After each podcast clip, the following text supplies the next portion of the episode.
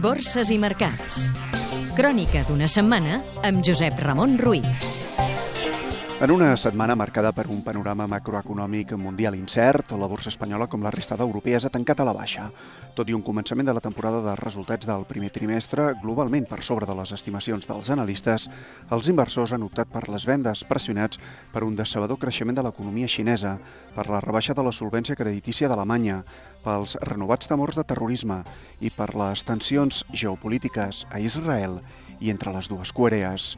Aquí, la setmana que el Tresor ha captat amb una sòlida demanda més de 9.700 milions d'euros i pagant els interessos més baixos des del 2010. En lletres a 6 i 12 mesos, amb bons a 3 i 5 anys i en obligacions a 10 anys, l'IBEX 35 ha baixat un 1,55% s'ha situat en els 7.915 punts després que l'FMI, el Fons Monetari Internacional, ha encès totes les alarmes arreu alertant d'una crisi financera crònica. Per Espanya, que necessita més temps, diu, preveu més recessió, més dèficit i més atur.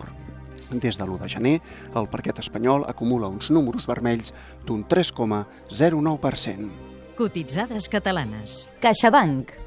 En nou mesos ha tancat la integració tecnològica i operativa de Banca Cívica. Gas natural fenosa. L'energètica, que aplicarà una quitança del 7% a les seves preferents, ha celebrat Junta d'Accionistes. Ha aprovat els resultats del 2012 la gestió de la companyia i una remuneració als accionistes de 895 milions d'euros en efectiu. Miquel i Costas. Ha distribuït un tercer dividend a compte dels resultats del 2012 de 0,101 cèntims d'euro nets per acció. Societat Anònima d'AM. Ha pagat un dividend de 3 cèntims d'euro bruts per títol, amb càrrec als beneficis de l'any passat l'euro. La moneda única s'ha apreciat davant de la divisa nord-americana i augment enfortit aquest divendres el Banc Central Europeu n'ha fixat el seu canvi oficial a 1,31 15 dòlars. El petroli.